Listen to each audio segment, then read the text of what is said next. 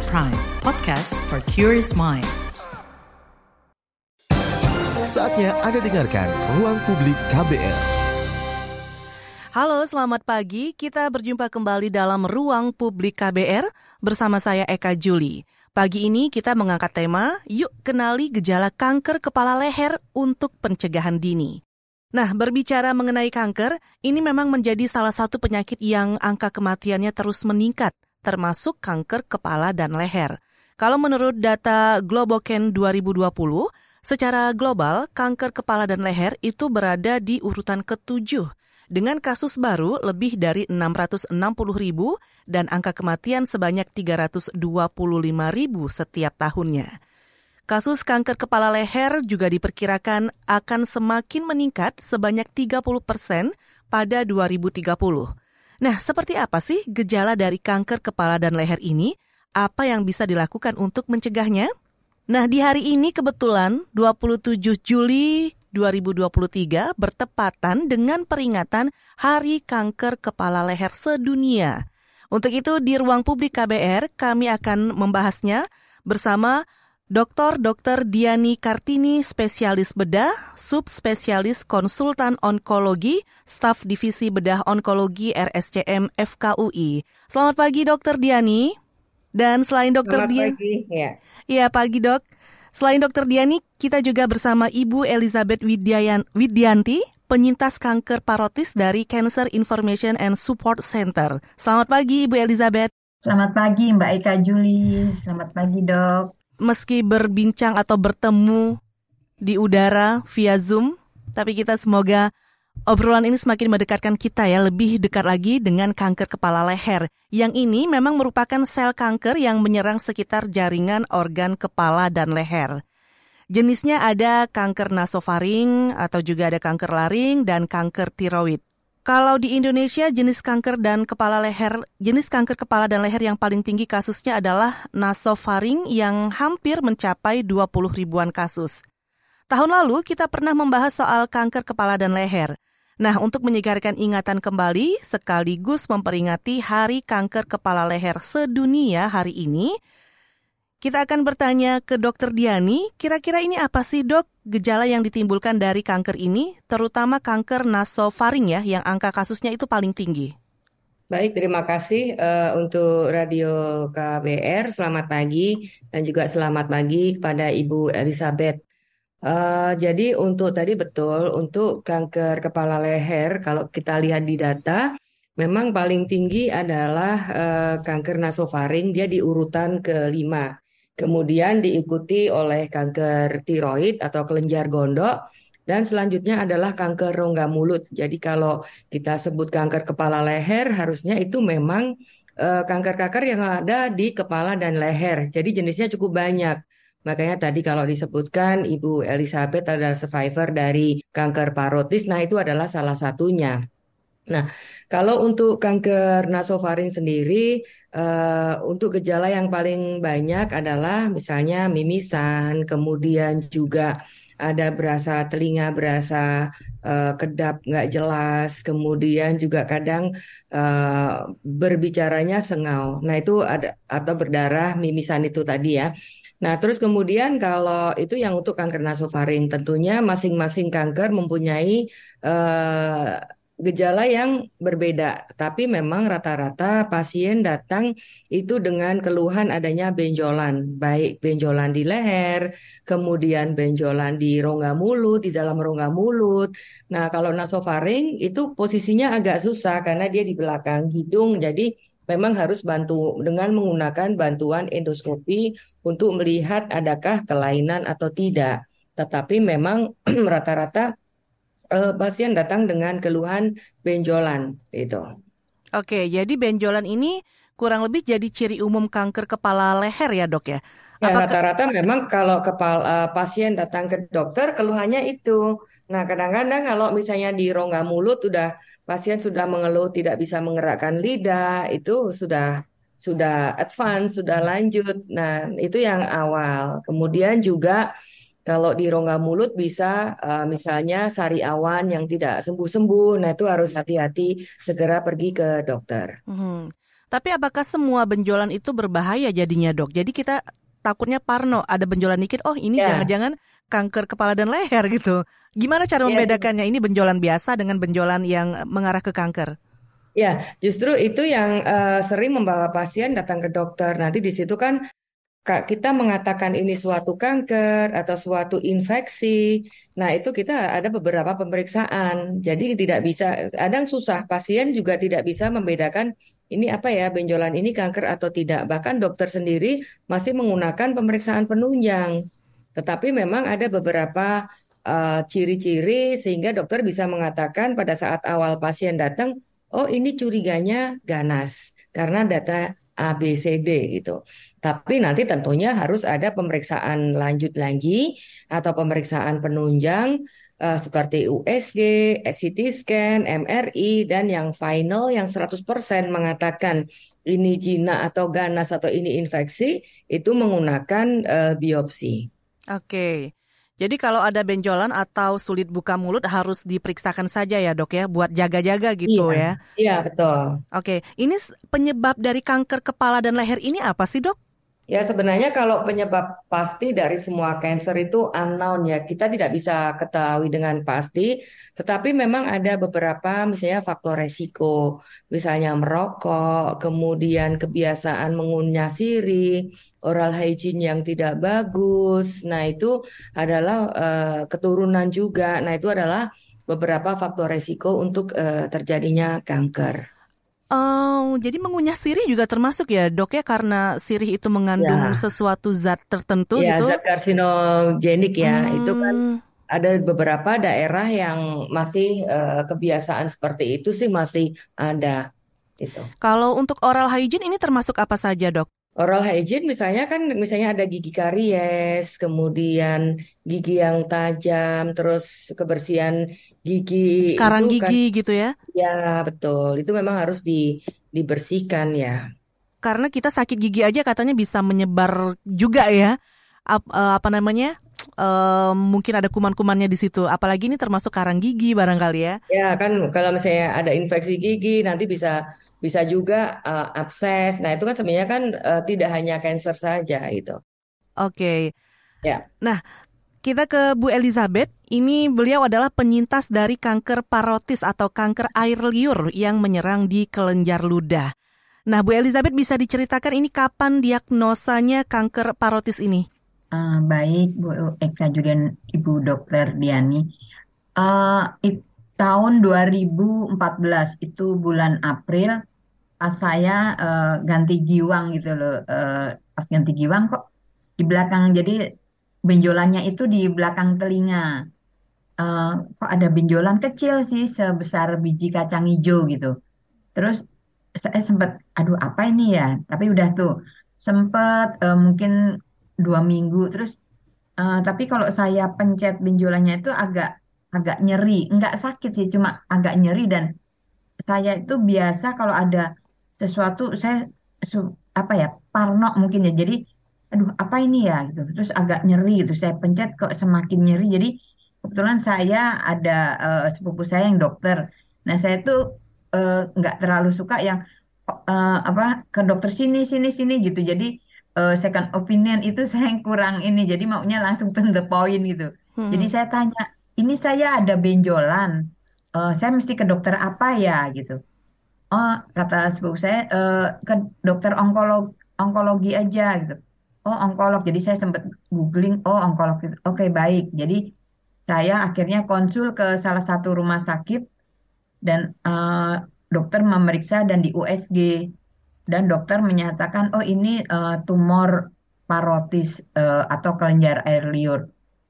Nah, untuk tahu ganas atau tidak, dokter waktu itu menyarankan biopsi ya. Tapi saya eh, saat itu nggak mau. Saya apa takut stres gitu loh. Begitu tahu biopsi itu ganas, saya semakin stres. Jadi nggak dok, angkat aja dok, langsung diangkat.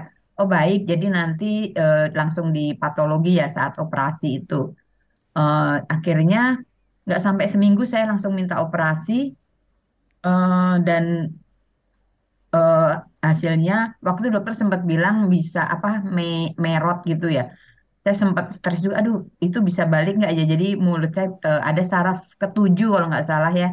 Itu kalau kena bisa merot gitu. Oke. akhirnya eh, ya saya pokoknya dengan berdoa eh, saya dioperasi eh, langsung di apa patologi. Nah saya tahu itu cancer setelah se lima hari saya kontrol lagi. Mhm. karena keluarga nggak mau ngasih tahu maksudnya biar dokter saja yang karena di keluarga saya tuh nggak ada yang kanker ya di keluarga mama saya biar nggak kaget gitu. Jadi waktu dokter memberitahu Bu ini eh, ibu kena kanker. Apa dok? Saya sempat apa ya deny gitu. Kanker. Saya sempat masa iya saya kanker gitu loh? Maksudnya saya hidup sehat gini. Terus iya gitu. Terus dokter menyarankan untuk pengobatan lanjutan yaitu eh, radiasi. Jadi saya waktu dinyatakan eh, stage 2. Mhm. Jadi saat itu di pikiran saya, aduh saya selesai nih hidup saya. gitu. Karena kan eh, kanker itu ya eh, penyakit yang ya itu Hmm, juga eh, menyeramkan ya bagi kayaknya sebagian orang. Mendengar kata kanker aja udah betul, yang gimana gitu. udah membuat stres gitu. Betul, saya akhirnya udah tuh pulang eh, eh, udah saya nggak ada rencana apa-apa saya cuma di kamar apa yang mau saya lakukan ya? Udah ah, saya mau happy happy aja udah saya nggak mau eh, ini itu gitu. Tapi eh, ada eh, mamanya teman saya itu usianya 65 tahun dia eh, kanker eh, nasofaring ya. Eh, apa amandel kok nggak salah di bagian tenggorokan gitu. Dia semangat gitu loh saya sampai ih hebatnya dia umur segitu ini jadi saya terpacu. Nah, waktu itu kan eh, harus radiasi. Saya eh, baca-baca ini kok efeknya sangat mm, eh, membuat apa ya pasien menderita gitu. Jadi saya maju mundur gitu. Oke. Akhirnya gitu, saya melakukan radiasi. Dan eh, dinyatakan sembuh akhirnya itu berapa lama melalui proses itu, Mbak Bu? Eh, saya nyatakan sembuh itu eh, setelah radiasi itu eh, dokter menyatakan tidak ada lagi obatnya gitu. Nah, Mhm. itu juga eh, radiasi itu dari CISC ya, saya dapat maksudnya masukan, oh enggak nanti gini gi- eh, enggak sampai seperti itu kok, setiap individu kan beda-beda ya. Nah, terus dokter, akhirnya saya eh, radiasi, dokter menyatakan sudah selesai. Hah, sudah selesai dok, nggak ada obat. Saya sempat, iya, udah nggak ada obatnya lagi. Waduh, Nggak saya ada obat berarti aman artinya karena sudah iya, sembuh karena dari eh, radiasi tadi. iya, eh, dokter hanya menyatakan eh, apa pola hidup yang sehat gitu. Tapi juga masih kontrol tuh ibu saya se enam bulan gitu. Akhirnya dinyatakan bersih itu tahun kedua. Dan Hmm. saya cek-cek lagi ternyata grade eh, state 2 tapi grade 1. Oke. Nah, ngomongin soal stage 2 ini tadi, eh, ketika sudah ada benjolan seperti Bu Elizabeth ini di stage 2 katanya, itu artinya apa nih Dokter Riani? Apakah eh, kondisi pasien seperti apa? Ya, baik. Jadi saya jelaskan mengenai stadium ya. Jadi kalau kita bicara kanker itu memang ada stadium. Jadi stadium itu melibatkan eh, ukuran tumornya sendiri, kemudian melibatkan keterlibatan kelenjar getah bening, dan yang satunya melibatkan eh, apakah ada penyebaran jauh atau tidak. Nah, itu masing-masing cancer tentunya berbeda. Eh, misalnya kita makanya itu dari stadium itu TNM, T itu terkait dengan ukuran tumor.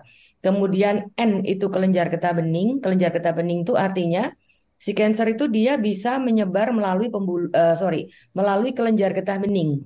Nah, satunya lagi M. M itu metastasis penyebaran jauh. Makanya kalau misalnya disebut dengan eh, ukuran maaf eh, stadium 2 tentunya untuk parotis pasti ada ukurannya. Misalnya ukurannya 3 cm, kemudian keterlibatan kelenjar getah beningnya tidak ada dan tidak ada penyebaran seperti itu. Tentunya semakin besar ukuran tumor, stadiumnya akan semakin naik itu. Oh, Dan berarti misalnya hmm. misalnya juga eh, ukur- ukurannya tumornya kecil tapi sudah penyebaran ke jauh ke paru-paru atau ke hati ya itu udah eh, kita sebut stadium 4 gitu. Nah, makanya ini saling terkait antara ukuran, keterlibatan kelenjar getah bening dan juga metastasis atau penyebaran jauh. Oke, stage ini maksudnya stadium Mbak Arti ya dok ya? Betul, stage 2 ada stadium. Oke, berarti stadium 4 adalah level yang paling uh, berbahaya barangkali ya? ya. Kalau kita berbicara mengenai kanker. Baik dokter Diani dan Ibu Elizabeth, kita akan break dulu. Kami kembali lagi di ruang publik dengan tema Yuk Kenali Gejala Kanker Kepala Leher untuk Pencegahan Dini. Masih Anda dengarkan Ruang Publik KBR. Commercial break. Commercial break. Pengumuman, pengumuman. Pengumuman, pengumuman. Pesta dansa terbaik abad ini kembali hadir di Jakarta. Ya, bener banget. Waktu Indonesia Berdansa akan digelar oleh San Bejo dan Bigu Kreatif tanggal 29 dan 30 Juli 2023. Menampilkan puluhan musisi papan atas seperti Tulus, Rizky Febian, Kahitna, Wali, Padi, Reza Artamevia, Pamungkas, The Changcuters, Lasca, dan masih banyak lagi. Dapatkan tiketnya cuma 150 ribu di konser.co.id. Takut nggak punya partner dansa? Tenang, kamu tinggal komen aja di Instagram at Waktu Indonesia Berdansa. Langsung deh dicariin temen dansa sama para instruktur dansa dari WIB buat kamu.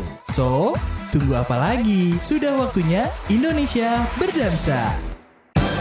Masih Anda dengarkan Ruang Publik KBR. Ya saudara, Anda masih mendengarkan Ruang Publik KBR dengan tema Yuk Kenali Gejala Kanker Kepala Leher untuk Pencegahan Dini. Pagi ini kami masih berbincang dengan Dr. Diani Kartini, staf Divisi Bedah Onkologi RSCM FKUI, dan Ibu Elizabeth Widianti, penyintas kanker parotis dari CISC.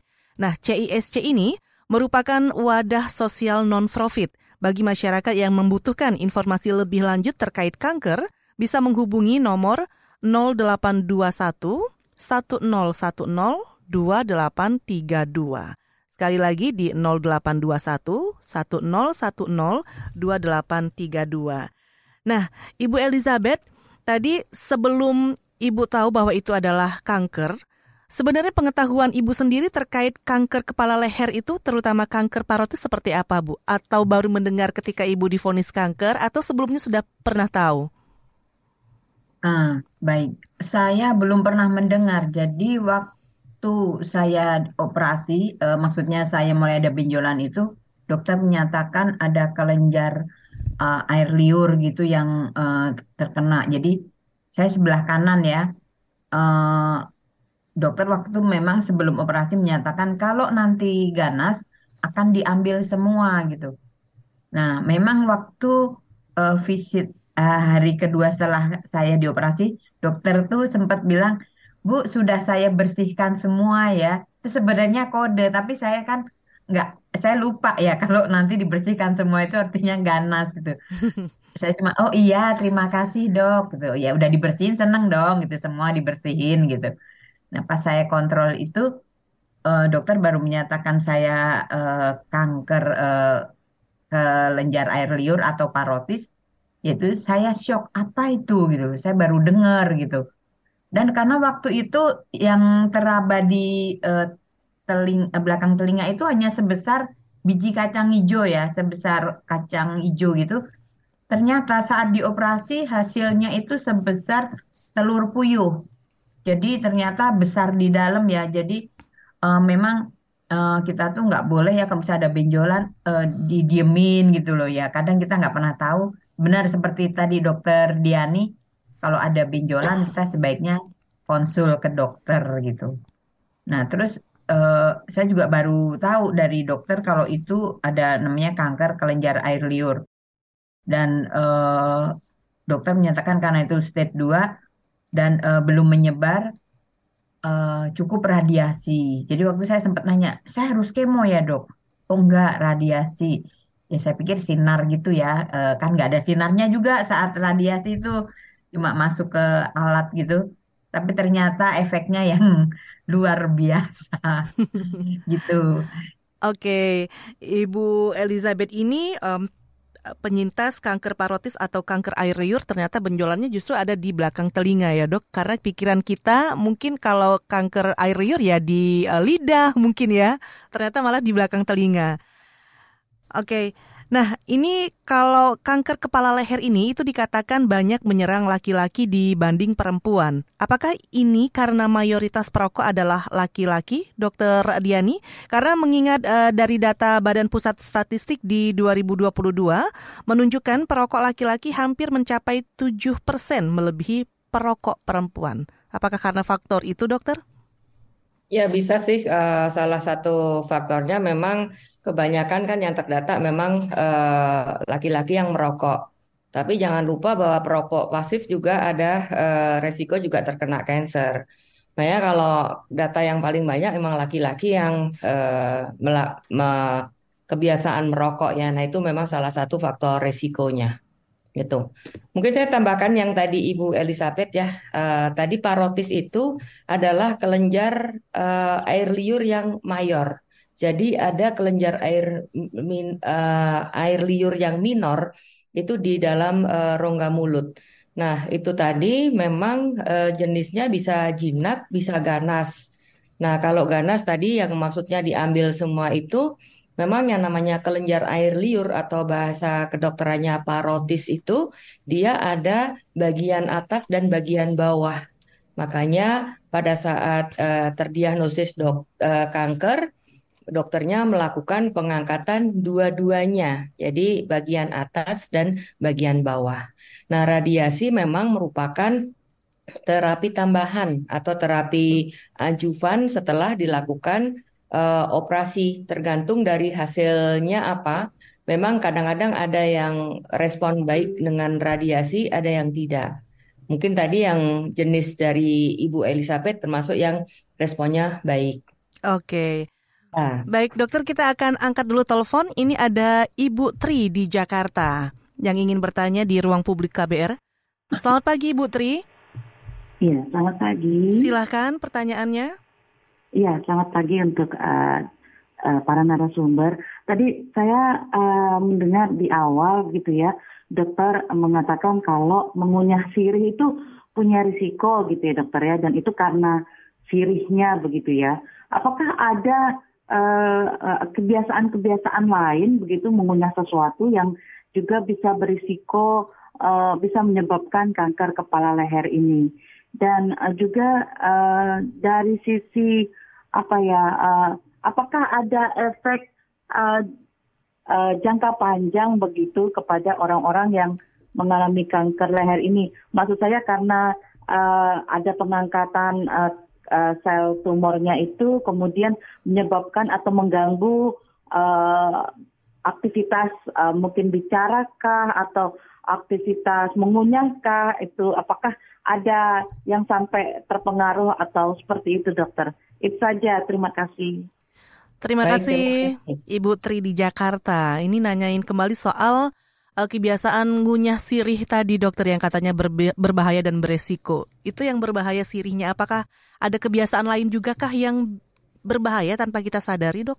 Ya sebenarnya kalau untuk mengunyah sirih kan tuh zat-zatnya yang ada di apa, yang ada di uh, sirihnya tersebut yang karsinogen. Kemudian juga yang lain itu mungkin namanya mate ya. Saya saya kurang tahu bacanya mate atau apa. Itu kebiasaan seperti minum uh, teh itu kebiasaan di saya tahunya di Argentina ya.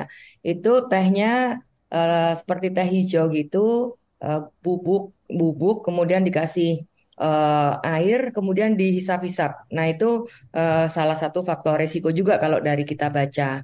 Kemudian juga uh, yang lain sih sepertinya enggak ya, itu saja yang zat-zat yang mengandung zat-zat uh, karsinogen. Terus kemudian tadi yang dikatakan untuk operasi, sebenarnya tergantung te daerah mana yang dioperasi. Kalau misalnya daerah rongga mulut, kanker rongga mulut yang meliputi lidah, kemudian uh, lapisan dalam pipi atau uh, dasar mulut, nah itu tentunya sangat sangat mengganggu. Seperti kita ketahui bahwa itu kan merupakan kalau kanker rongga mulut dioperasi kan fungsi mengunyah, fungsi berbicara, fungsi menelan, nah itu tentunya akan terganggu. Nah, makanya semakin dini diketahui akan semakin bagus karena kita juga tentunya yang kita operasi semakin tidak banyak organ yang diangkat, kemudian rehabilitasinya juga harus bagus. Nah, contohnya misalnya yang tadi Ibu Elizabeth, Ibu Elizabeth parotis. Parotis apa sih yang bisa kena tadi? Makanya eh, dokternya mengatakan bahwa untuk operasi parotis kemungkinan bibir bisa miring, kemudian mata tidak men- bisa menutup sempurna. Nah, itu dikarenakan di antara bagian atas dan bagian bawah kelenjar eh, parotis atau kelenjar liur itu ada saraf-saraf yang menuju ke sudut bibir, ke sudut mata dan sebagainya. Makanya itu yang perlu diketahui pasien-pasien sebelum dilakukan operasi. Nah, itu itu beberapa hal yang eh, operasi di kepala leher tergantung area mana yang kita operasi. Tentunya pasti semua operasi pasti ada eh, efek sampingnya. Seperti itu. Oke, nah Ibu Elizabeth apakah juga mengalami efek-efek pasca operasi?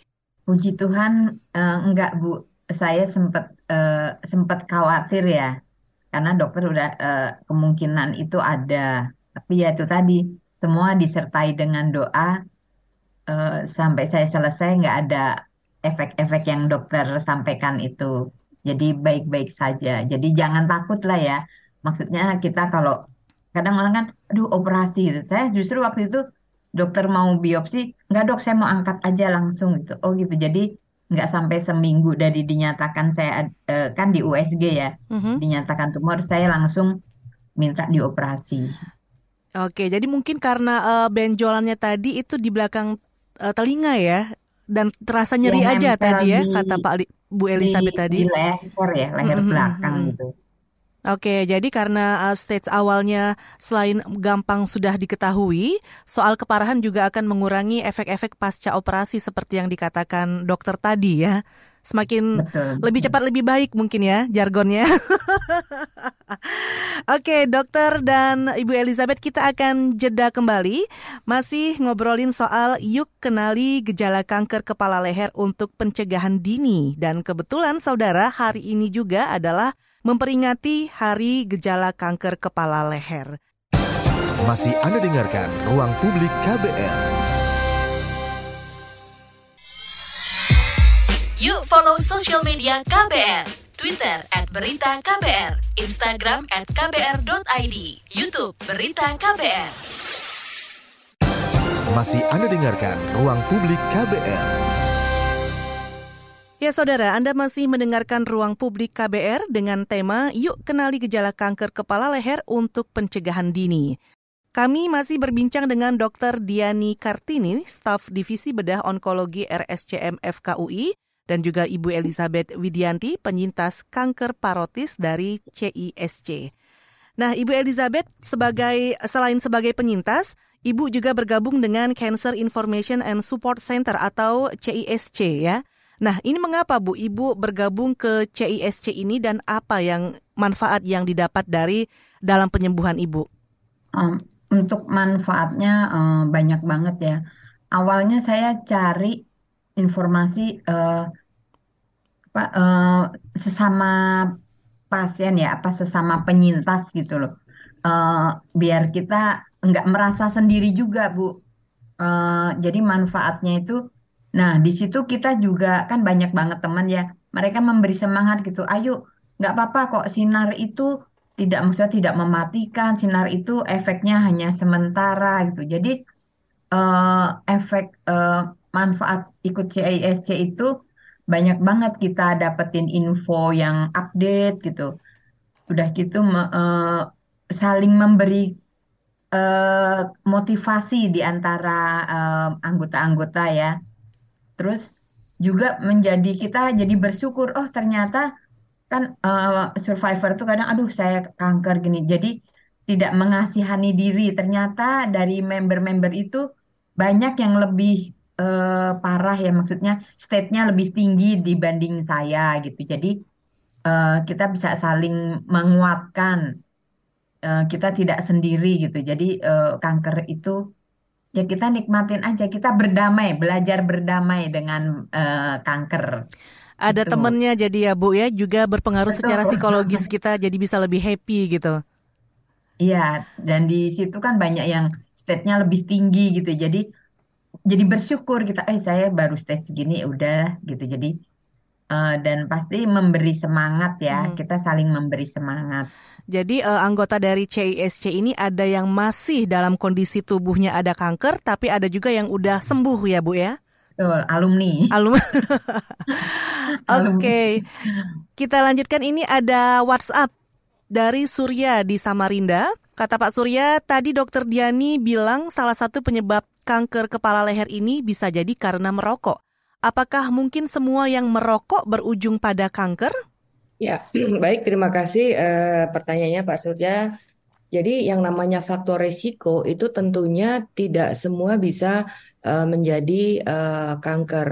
Nah, makanya kan itu salah satu sebenarnya merokok tidak hanya ke oral cancer kan, tapi bisa ke paru-paru, kemudian juga kalau perempuan breast cancer, karena itu zat yang kita isap kan bersifatnya sistemik, tapi lokal di situ tentu eh, tentu ada faktor risikonya juga. Misalnya eh, seseorang dengan kebiasaan rokok, kemudian oral hygiene yang nggak bagus, kemudian ada luka yang terus-terus menerus, misalnya mengenai lidah atau mengenai mukosa atau lapisan dalam pipi. Nah, itu kalau terus-menerus dengan ada faktor resiko itu bisa jadi bisa jadi kanker itu. Tapi yang perlu diingat bahwa faktor resiko itu pasti tentunya tidak semuanya. Ada yang kena, ada yang enggak. Misalnya dia menyebabkan 30%, kita nggak tahu masuk yang 30% atau yang 70%. Nah, bisa jadi berujung ke oral cancer atau ke paru-paru dan sebagainya. Tapi itu merupakan kebiasaan yang eh, meningkatkan faktor risiko terjadinya cancer, apa pun itu. Oke. Nah, selain merokok kan sekarang juga tren nih banget anak muda eh, nge-vape gitu ya. Seperti apa vape ini jadi faktor resiko kanker, Dok? Nah, kalau vape terus terang saya untuk bahan-bahan isinya eh, saya kurang tahu, tetapi yang saya baca sepertinya ada faktor risiko juga ya. Nah, itu perlu saya saya perdalam lagi itu. Oke, baik. Kita Hmm. lanjutkan kembali ada WA dari Rani di Jogja. Salut dengan Ibu Elizabeth dan teman-teman di CISC. Apakah CISC ini ada sosialisasi juga ke kota-kota lainnya? Silakan Bu Elizabeth. Ah, baik Eh, CISC ini eh, ada beberapa cabang ya di luar kota dan eh, mereka eh, sangat sangat welcome untuk eh, kita untuk jadi member gitu dan CISC ini eh, di di setiap maksudnya untuk kansernya itu eh, dibedakan. Jadi saya masuk di member eh, kanker kepala leher atau KKL ya. Tapi ada juga yang untuk eh, klub eh, CISC payudara. Jadi ada beberapa eh, untuk eh, penyakit gitu. Jadi nggak semua di kanker kanker kepala leher. Mhm, dibagi-bagi ya Bu gitu. Betul, iya. Kebetulan saya juga ada teman yang payudara, saya coba perkenalkan dan dia eh, kita jadi itu tadi saya bilang ber- bersyukur tidak eh, tidak sendiri. Jadi eh, kanker eh, biasanya kan orang kalau udah kanker, aduh hidup saya menghitung hari gitu.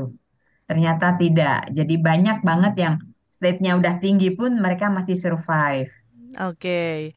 Nah, bagi masyarakat yang membutuhkan informasi soal CSIC ini ya, lebih lanjut terkait kanker bisa menghubungi di nomor 0, 0821 1010 2832. Sekali lagi di 0821 1010 2832 supaya eh, bisa ada penguat atau ada teman yang eh, sama-sama mengalami hal yang sama bisa saling berbagi pengalaman ya atau juga masukan-masukan lainnya.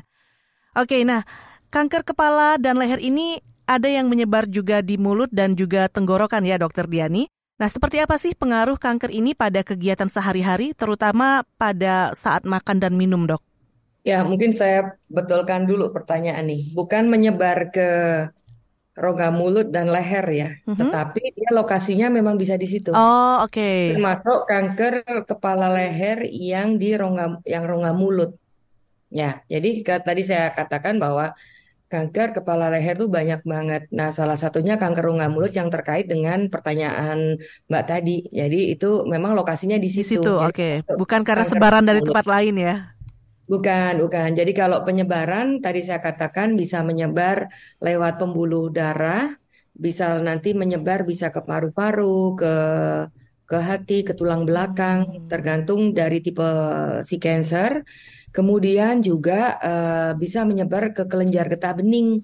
Jadi misalnya ke kanker lidah, dia bisa menyebar ke kelenjar getah bening yang di leher.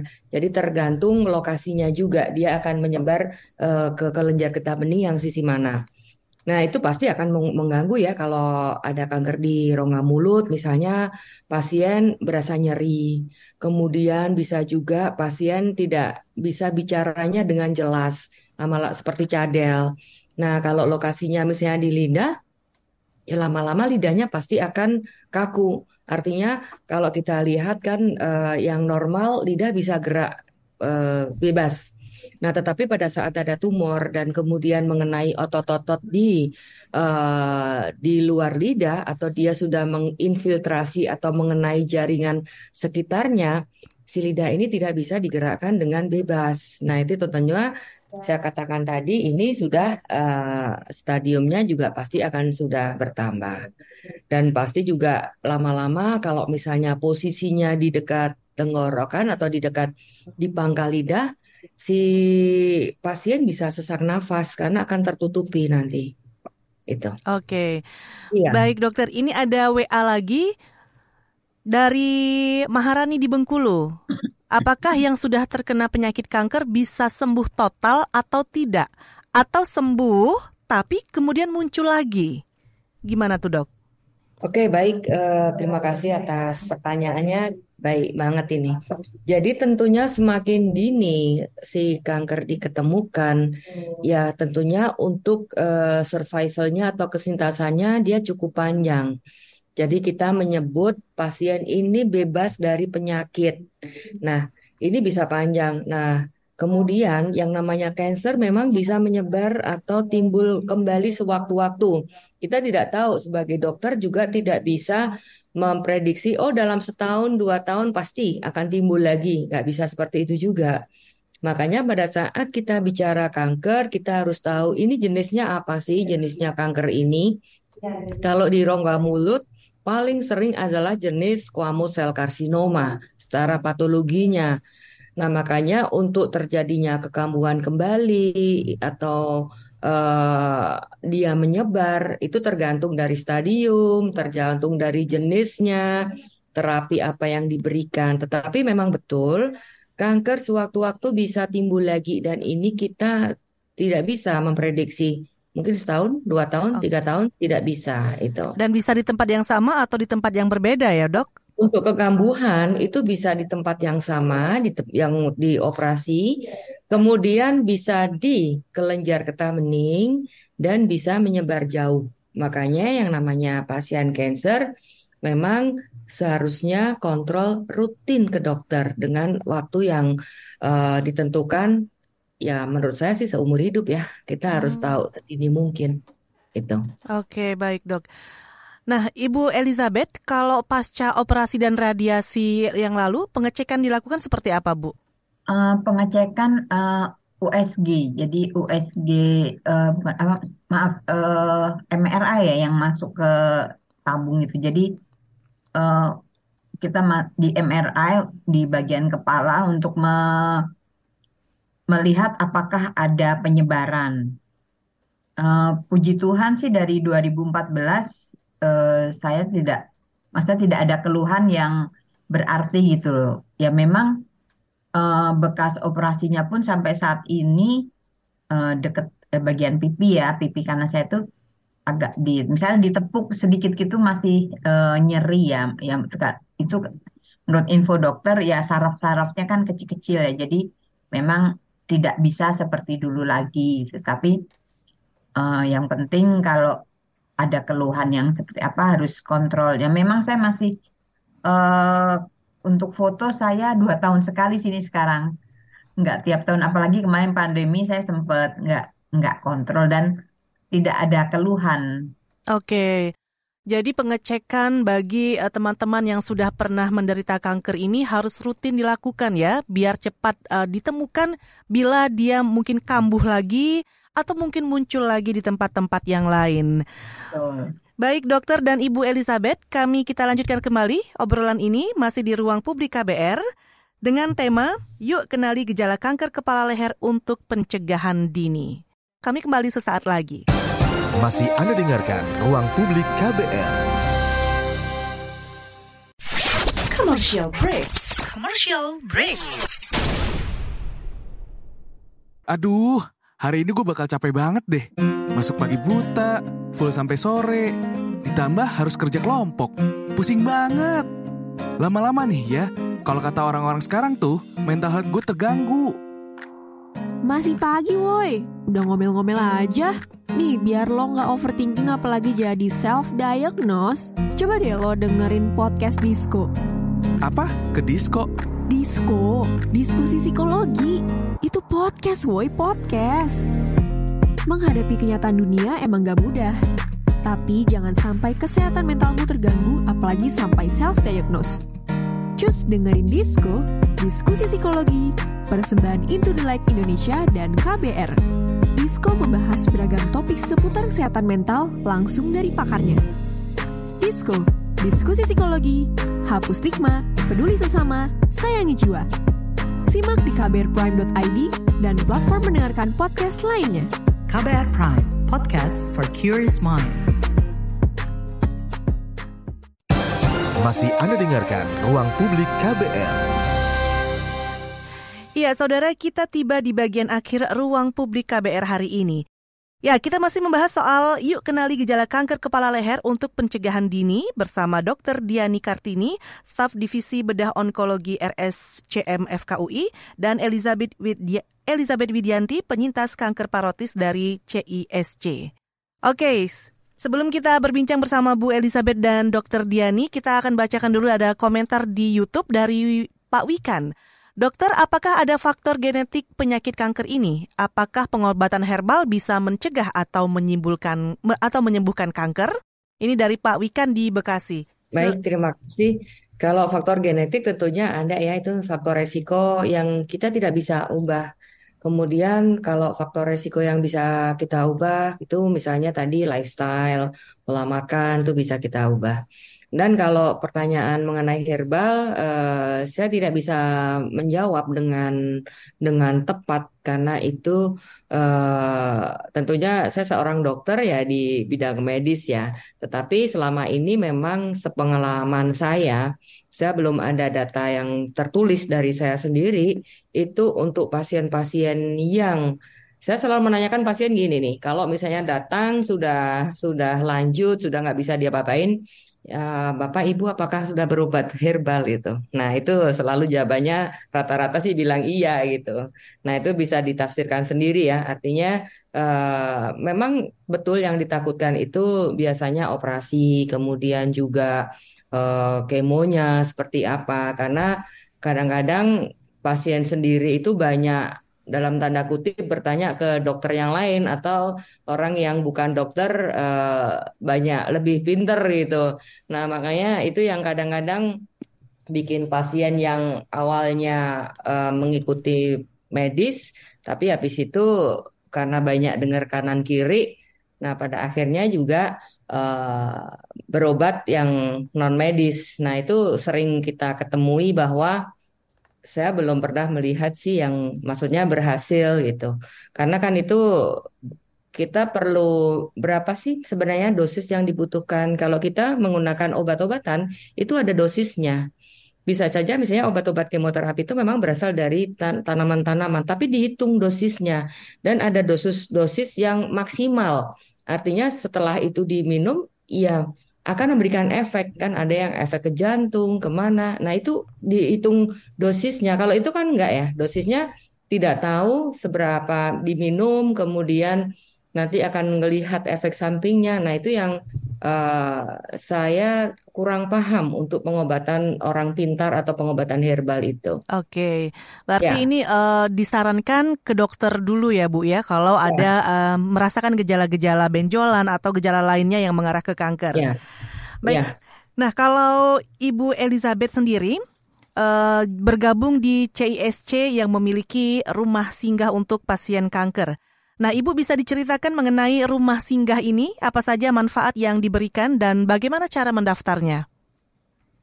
Uh, untuk rumah singgah, betul saya uh, sering baca di grup CISC ya, ada dua di di Jakarta ini kalau nggak salah. Nah, itu uh, bisa ke ditanyakan ke CISC, kemudian uh, itu kita hanya uh, dikenakan sedikit kok uh, untuk apa sih kebersihan atau apa gitu. Nah itu kan uh, manfaatnya rumah singgah itu apabila nih uh, terutama yang dari luar kota ya Bu ya, mm-hmm. uh, dari luar kota itu kan untuk biaya berobat pun juga udah banyak. Jadi uh, rumah singgah itu sangat membantu. Uh, karena dia letaknya tuh tidak jauh dengan rumah sakit biasanya dengan rumah sakit yang akan kita tuju untuk berobat. Oh, dia lebih ya supaya lebih memudahkan uh, pasien-pasien yang ingin berobat juga ya dari luar betul. kota terutama. Di rumah singgah itu juga sudah ada orang yang mengurus, Bu. Ada misalnya betul. bagian yang pembersihan. Iya, betul. Uh, di situ uh, kita hanya dikenakan sedikit kok, hanya berapa ribu gitu. Ibu Elizabeth juga oh. di rumah singgah itu juga pernah? Enggak, saya belum pernah. Saya kebetulan tinggal, tinggal di, di Jakarta, ya. Oh, oke, okay. baiklah. Ya, nah Dokter Diani, ini ada banyak sekali fakta dan mitos seputar kanker ya. Salah satunya ya. ketika seseorang didiagnosis kanker kepala leher, tapi tidak ada riwayat genetik dari keluarga, berarti katanya nih orang tersebut terlalu mak sering makan ikan asin katanya. Bener nggak sih dok tanggap ini soal mitos-mitos ini? Ya sebenarnya sih bukan uh, tidak 100% benar sih, tetapi memang kebiasaan pola makan itu juga akan mempengaruhi uh, yang akan diderita. Kalau ikan asin itu kalau saya tidak salah itu mempengaruhi untuk terjadinya kanker rongga eh sorry, kanker nasofaring. Jadi ada di daerah-daerah tertentu yang memang dia kebiasaan uh, makan ikan asin. Nah, itu bisa memang. Oke, jadi bisa juga ikan asin ini menjadi penyebab ya, kanker. Ya, kan kita prosesnya segala macam itu. Tentunya nggak orang yang makan ikan asin eh, misalnya sebulan sekali atau jarang sih enggak. Itu yang ada yang terus menerus itu. Oke, jadi kalau sesekali enggak ya, dok, berarti nah. saya aman, dok. Oke, Ibu Elizabeth nih, menurut Anda sebagai salah satu penyintas kanker kepala leher, dukungan seperti apa yang bisa diberikan keluarga atau lingkungan sekitar kepada teman-teman yang lain? Uh, pertama, yang pasti kalau kita ada benjolan, itu harus uh, segera, jadi jangan jadi dokter sendiri ya maksudnya ah ini nggak apa-apa Pak. jadi kita sebaiknya langsung ke medis. Betul seperti tadi dokter uh, Diani uh, katakan kita tidak bisa kalau misalnya bukan maksudnya herbal itu bagi saya pribadi herbal itu hanya pendamping. Jadi uh, di saat kita mungkin uh, kan efek radiasi itu dulu membuat saya uh, lemah ya. Ya pasti ya pengobatan itu ada efeknya jadi saya ada herbal tapi hanya sebagai pendamping karena uh, satu kita harus medis jadi jelas uh, obatnya itu uh, takarannya. Kedua kita juga harus uh, memang pengobatan itu pasti ada efeknya uh, sesudah atau sesudahnya pun masih mungkin kurang nyaman tapi percayalah uh, itu hanya sementara. Jadi tidak selamanya kita uh, seperti saya dulu tidak ada air liur ya, habis air liur saya.